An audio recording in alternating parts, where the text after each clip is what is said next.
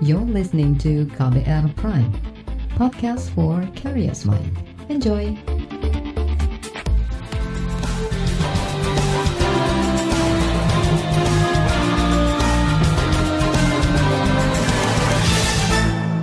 Halo selamat sore saudara, apa kabar Anda sore hari ini? Kembali KBR sore siap untuk menjadi teman Anda dan sore hari ini seperti biasa selama kurang lebih 30 menit ke depan KBR sore siap untuk menjadi teman Anda beraktivitas dan sore ini saya mau ajak Anda untuk membahas meningkatnya jumlah tenaga kesehatan atau nakes yang terinfeksi COVID-19. Peningkatan terjadi di saat kasus virus corona terus melonjak di tanah air. Setidaknya sampai saat ini satu puskesmas di Jakarta Pusat dan empat puskesmas di Cirebon tutup lantaran tenaga kesehatan mereka terkena corona. Kondisi ini dikhawatirkan menyulitkan akses masyarakat mendapatkan pelayanan kesehatan baik bagi pasien COVID-19 maupun non-COVID. Karena itu pemerintah dan Ikatan Dokter Indonesia atau IDI membuat pedoman baru untuk mencegah atau mengurangi penularan virus di kalangan tenaga kesehatan. Antara lain dengan mengatur pembagian jadwal kerja dan penggunaan APD lengkap. Pertanyaannya, apakah langkah itu sudah cukup melindungi para nakes dari ancaman COVID-19? Padahal mereka adalah garda terdepan dalam konteks penanganan pandemi. Bersama saya Reski Mesanto, kita bahas selengkapnya sore hari ini di KBR Sore. Saudara Kementerian Kesehatan memastikan bakal memberikan perlindungan terhadap tenaga kesehatan khususnya mereka yang menjaga pasien COVID-19. Juru bicara Kementerian Kesehatan, Siti Nadia Tarmizi mengaku, segera memperketat beberapa standar pengamanan seperti penguatan pencegahan dan pengendalian infeksi atau PPI, pengaturan jam kerja atau shift hingga penyediaan akomodasi dan transportasi. Hal itu diharapkan bisa melindungi tenaga kesehatan dari ancaman corona. Pernyataan itu juga disampaikan juru bicara Satgas COVID-19 Reisa Broto Asmoro. Kata dia, ada beberapa aturan yang harus diikuti tenaga kesehatan seperti dokter dan perawat. Berikut penjelasannya. Di tengah peningkatan positivity rate kasus COVID-19, Ikatan Dokter Indonesia menyampaikan laporannya bahwa dalam satu bulan terakhir banyak dokter dan nakes lain yang terinfeksi. Oleh karena itu, pengurus besar Ikatan Indonesia mengeluarkan perintah organisasi terkait peningkatan kewaspadaan dan upaya menekan angka penularan kasus COVID-19 varian Omikron. Yang di antaranya menghimbau setiap dokter wajib menggunakan APD atau masker N95 atau setara dan kelengkapan lainnya dalam level sesuai tempat kerjanya. Wajib disiplin menjalankan prokes 5M dan menghindari makan bersama. Memastikan bekerja dalam ruangan yang memiliki ventilasi yang baik. Wajib melakukan swab PCR rutin minimal dua minggu sekali. Wajib mendapatkan vaksinasi tiga kali. Dan selama satu bulan ke depan, bagi yang memiliki komorbid dan atau yang berusia 60 tahun ke atas, dihimbau melakukan praktek melalui telemedicine. Menurut Reisa, upaya lain yang harus dilakukan adalah memastikan masyarakat mematuhi protokol kesehatan agar terhindar dari penularan virus. Sebab ancaman penyakit pasca COVID-19 atau long COVID bisa menambah beban fasilitas kesehatan. Organisasi Kesehatan Dunia atau WHO mengungkapkan beberapa alasan penting terkait kenapa kita sebaiknya jangan sampai terinfeksi. Karena selalu ada resiko penyakit yang diderita menjadi penyakit berat terutama bagi yang memiliki penyakit komorbid, bagi lansia, atau bagi yang belum mendapatkan vaksinasi.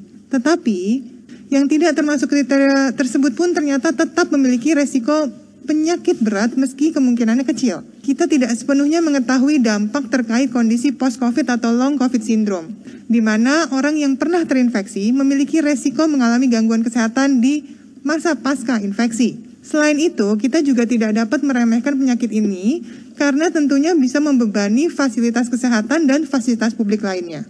Dan tentu hal ini dapat mengganggu kegiatan dan produktivitas kita semua. Semakin tinggi laju penularan yang artinya semakin banyak virus yang memperbanyak dirinya, semakin besar pula kemungkinan virus ini dapat berkembang kembali atau bermutasi menjadi varian baru lagi.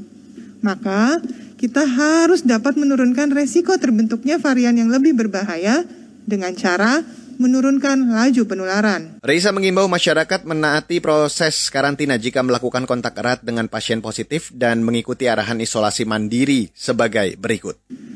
Nah, bagi Anda yang mungkin baru saja nih mengalami kontak erat dengan orang yang terkonfirmasi positif COVID-19, maka hal pertama yang harus dilakukan adalah melakukan karantina mandiri di rumah.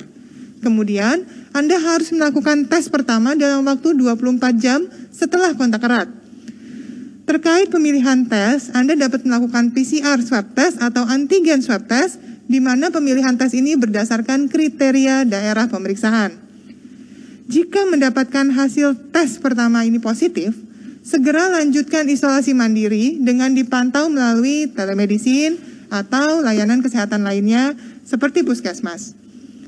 Ikuti anjuran dan dosis obat serta vitamin yang disarankan oleh dokter. Apabila kemudian muncul gejala, sesegeralah memeriksakan diri dan pastikan tetap terus terpantau selama menjalani isolasi mandiri. Namun, jika tes pertama hasilnya negatif, ingat, jangan langsung menganggap pasti tidak tertular. Anda sebaiknya tetap melanjutkan karantina mandiri sambil memantau gejala yang timbul. Lakukan pengulangan atau tes kedua pada hari kelima karantina mandiri. Jika hasil tes kedua tersebut negatif, maka Anda tidak perlu lagi melakukan karantina mandiri. Tapi, jika hasil tes kedua positif, maka lanjutkan isolasi mandiri dengan panduan seperti yang tadi sudah saya jelaskan. Saudara, itu tadi juru bicara Satgas COVID-19, Reisa Broto Asmoro. Baiklah, kita break sejenak. Dan setelah break akan saya hadirkan laporan KAS KBR mengenai uji klinis vaksin merah putih. Selengkapnya sesaat lagi tetaplah bersama kami di KBR sore. You're listening to KBR Pride, podcast for curious mind. Enjoy.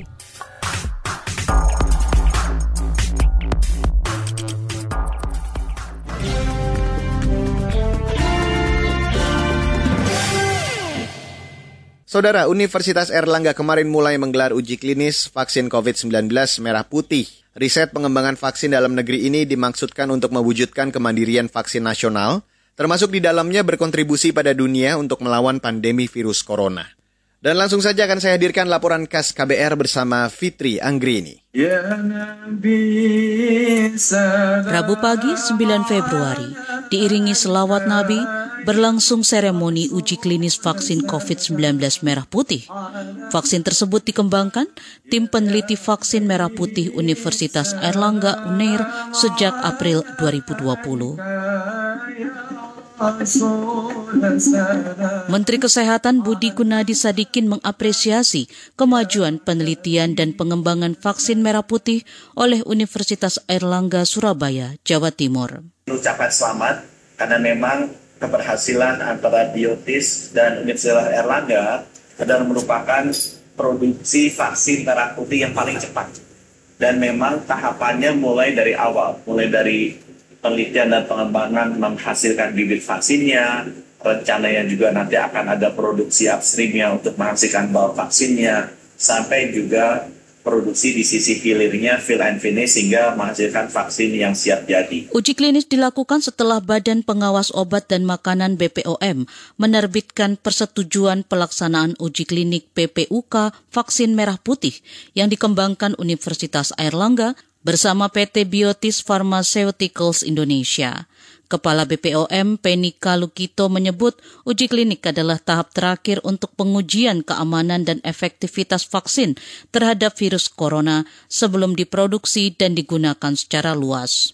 Badan POM mengumumkan, memberikan informasi dikaitkan persetujuan pelaksanaan uji klinik atau kita sebut dengan PPUK vaksin merah putih yang mempunyai platform inactivated virus vaksin COVID-19 uh, yang dikembangkan oleh Unair Biotis dan PT Biotis Pharmaceutical Indonesia yang akan segera menjalani tahapan-tahapan uji klinik bersama dengan tentunya uh, subjek manusia. Ketua Peneliti Vaksin Merah Putih dari Universitas Airlangga, Fedik Abdul Rantam berharap uji klinik vaksin merah putih berjalan lancar Uji klinik fase pertama dilakukan di RSUD Dr. Sutomo Surabaya.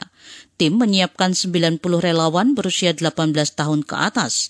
Pada fase kedua akan melibatkan lebih dari 400 relawan, kemudian 3.000 relawan pada fase ketiga triple helix ini merupakan suatu eh, cita-cita dari kami semuanya bahwa kemandirian bangsa ke depan ini sangat-sangat diperlukan sehingga kita mempunyai bargaining power yang lebih baik terhadap negara-negara lain. Oleh karena itu, semoga vaksin merah putih nantinya menjadi tuan rumah sendiri di Indonesia yang bermanfaat untuk kemaslahatan umat, masyarakat, dan bangsa Indonesia. Sementara itu, Direktur PT Biotis FX Sudirman berharap vaksin merah putih bisa mulai diberikan kepada masyarakat sebagai vaksinasi COVID-19 dosis primer serta dosis lanjutan atau booster pada Agustus 2022.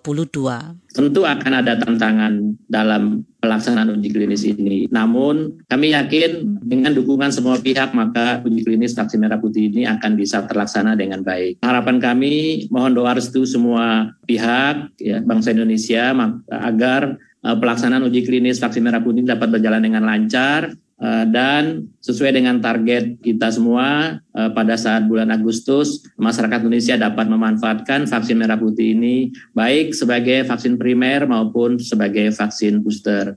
Saat memberikan sambutan dalam seremoni uji klinis vaksin merah putih, Menteri Kesehatan Budi Gunadi mengatakan vaksin merah putih selain untuk vaksin dosis ketiga atau booster, juga untuk vaksin anak usia 3 hingga 6 tahun yang masih belum tersedia di Indonesia. Tapi sekarang vaksin anak yang kita bisa berikan adalah di atas 6 tahun. Dari 3 sampai 6 tahun itu masih kosong. Di dunia tidak banyak, setahu saya baru vaksin Sinovac dan Pfizer yang bisa. Pfizer juga sedang uji klinis kalau tidak salah. Jadi itu juga ada kesempatan untuk digunakan untuk vaksin anak ya, vaksin primer, tapi usianya 3 sampai 6 tahun. Ya, jadi yang pertama bisa di mana gunakan vaksin merah putih adalah booster kemudian juga untuk vaksin anak ya, terutama di usia 3 sampai 6 tahun. Selain itu, kata Menteri Kesehatan Budi Gunadi, produksi vaksin merah putih juga akan dimanfaatkan sebagai vaksin donasi internasional. Donasi vaksin merah putih ini akan dikirimkan ke negara-negara yang masih rendah capaian vaksinasinya, misalnya ke negara-negara di Afrika yang penetrasi vaksinnya masih rendah. Demikian laporan KAS KBR. Saya Fitri Anggreni. Demikian laporan KAS KBR untuk hari ini. Dan saudara lebih dari 500 dokter dan residen saat ini terinfeksi virus corona. Jumlah dokter yang terkena COVID-19 tersebar di 15 kota di Indonesia. Dan bagaimana upaya IDI untuk menekan jumlah penularan di kalangan tenaga medis. Informasi selengkapnya sesaat lagi. Tetaplah bersama kami di KBR Sore. You're listening to KBR Pride, podcast for curious mind. Enjoy!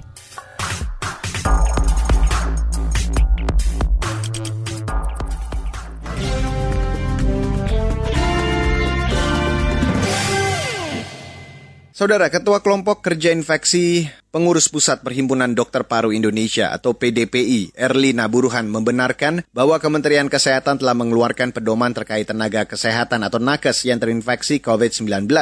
Namun menurutnya, pedoman itu masih kurang memberikan proteksi terhadap para nakes yang bertugas, terlebih jika melihat kondisi pandemi saat ini. Karena itu, sejumlah organisasi profesi kedokteran menyepakati beberapa hal dalam aturan tersebut tidak diikuti. Apa alasannya? Berikut penjelasan Erlina Burhan. Kalau dari buku tersebut dikatakan bahwa kalau yang tanpa gejala itu hari kelima bisa dilakukan pemeriksaan.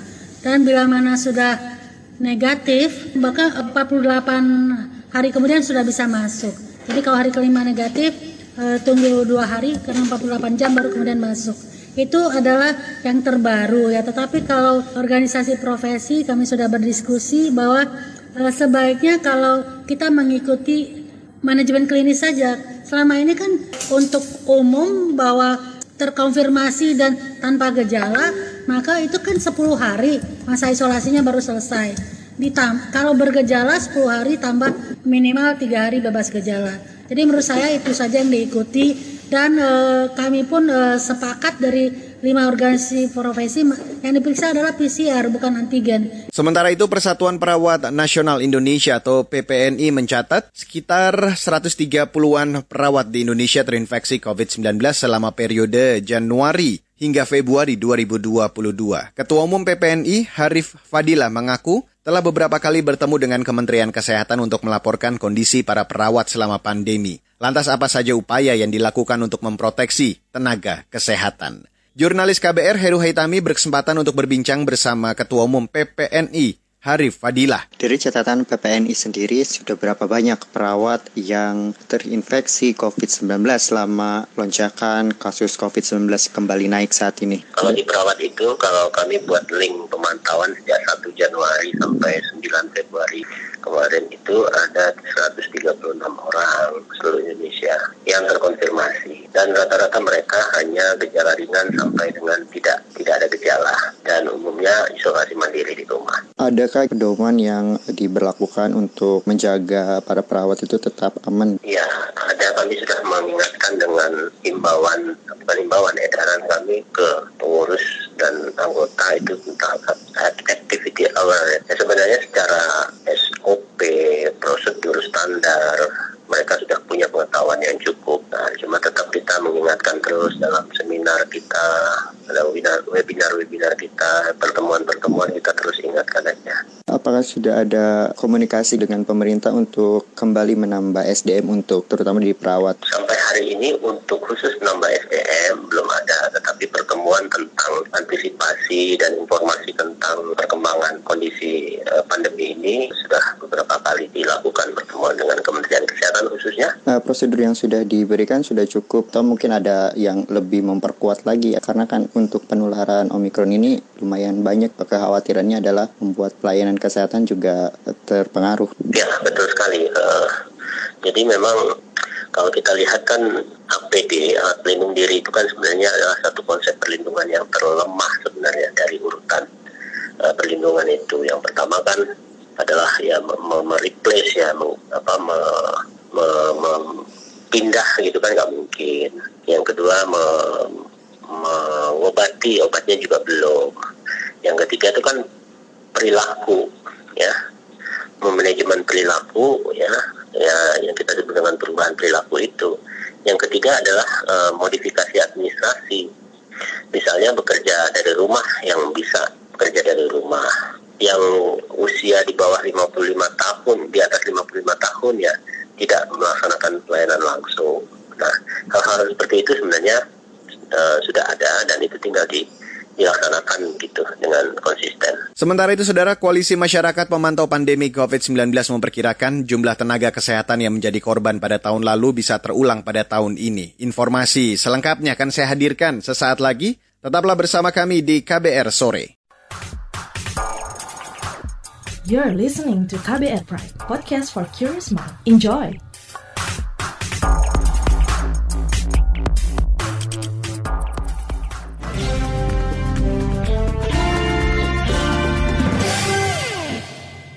Saudara, Koalisi Masyarakat Lapor COVID-19 menilai lonjakan kasus corona akan membuat tenaga kesehatan kewalahan dan menekan fasilitas kesehatan saat ini.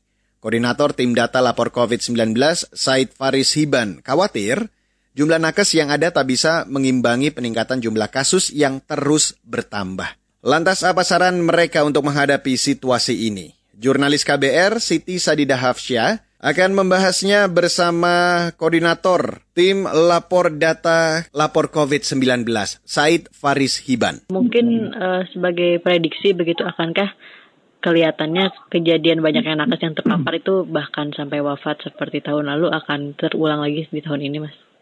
Tidak menutup kemungkinan ya, maksudnya dalam artian dengan kondisi siapa pun bisa kena, bahkan salah satu dokter kolaborator COVID itu yang saya tahu uh, beliau juga kena COVID juga dan efeknya lumayan, maksudnya lumayan bikin sakit gitu ya. Walaupun efek letalitinya tidak sama dengan seperti delta gitu ya. Dengan letalitinya belum terlihat seperti delta, tetapi di sini bisa ditunjukkan bahwa memang si Omicron ini benar-benar nyebar gitu, menyebarnya jauh lebih cepat dan lebih hebat daripada delta. Gitu. Mungkin tinggal tunggu waktu gitu kan.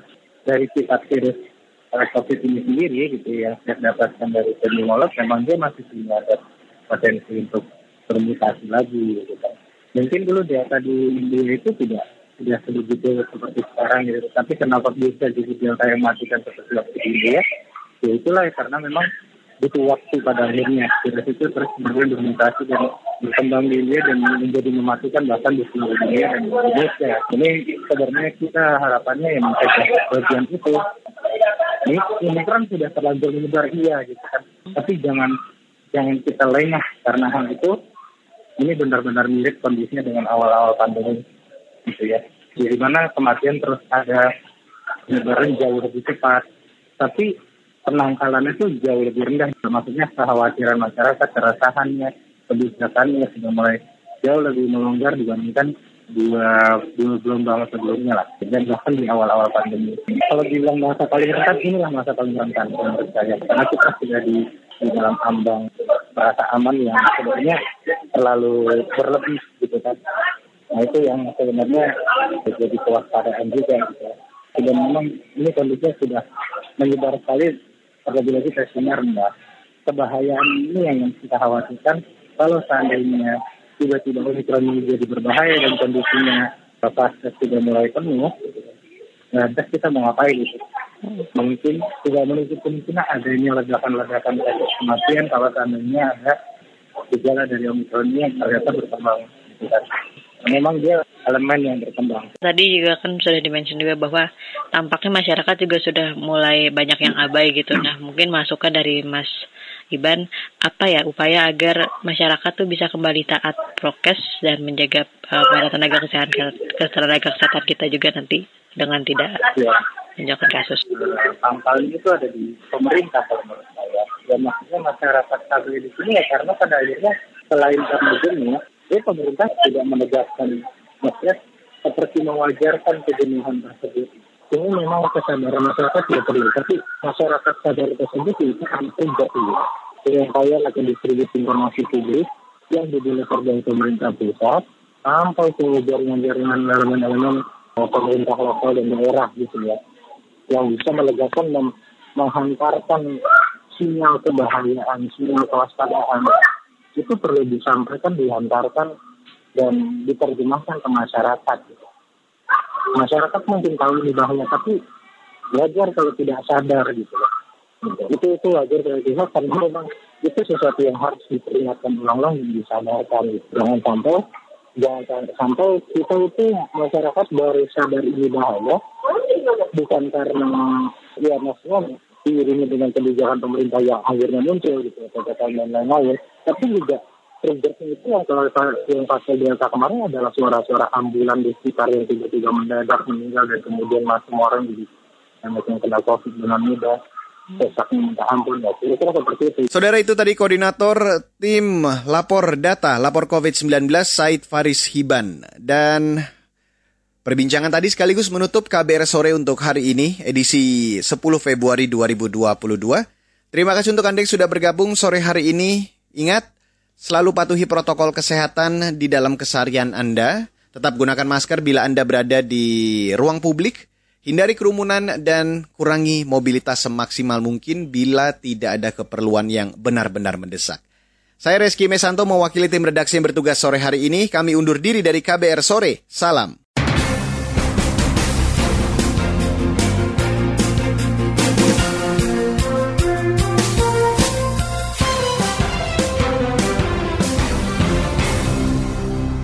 KBR Prime, cara asik mendengar berita. KBR Prime, podcast for curious mind.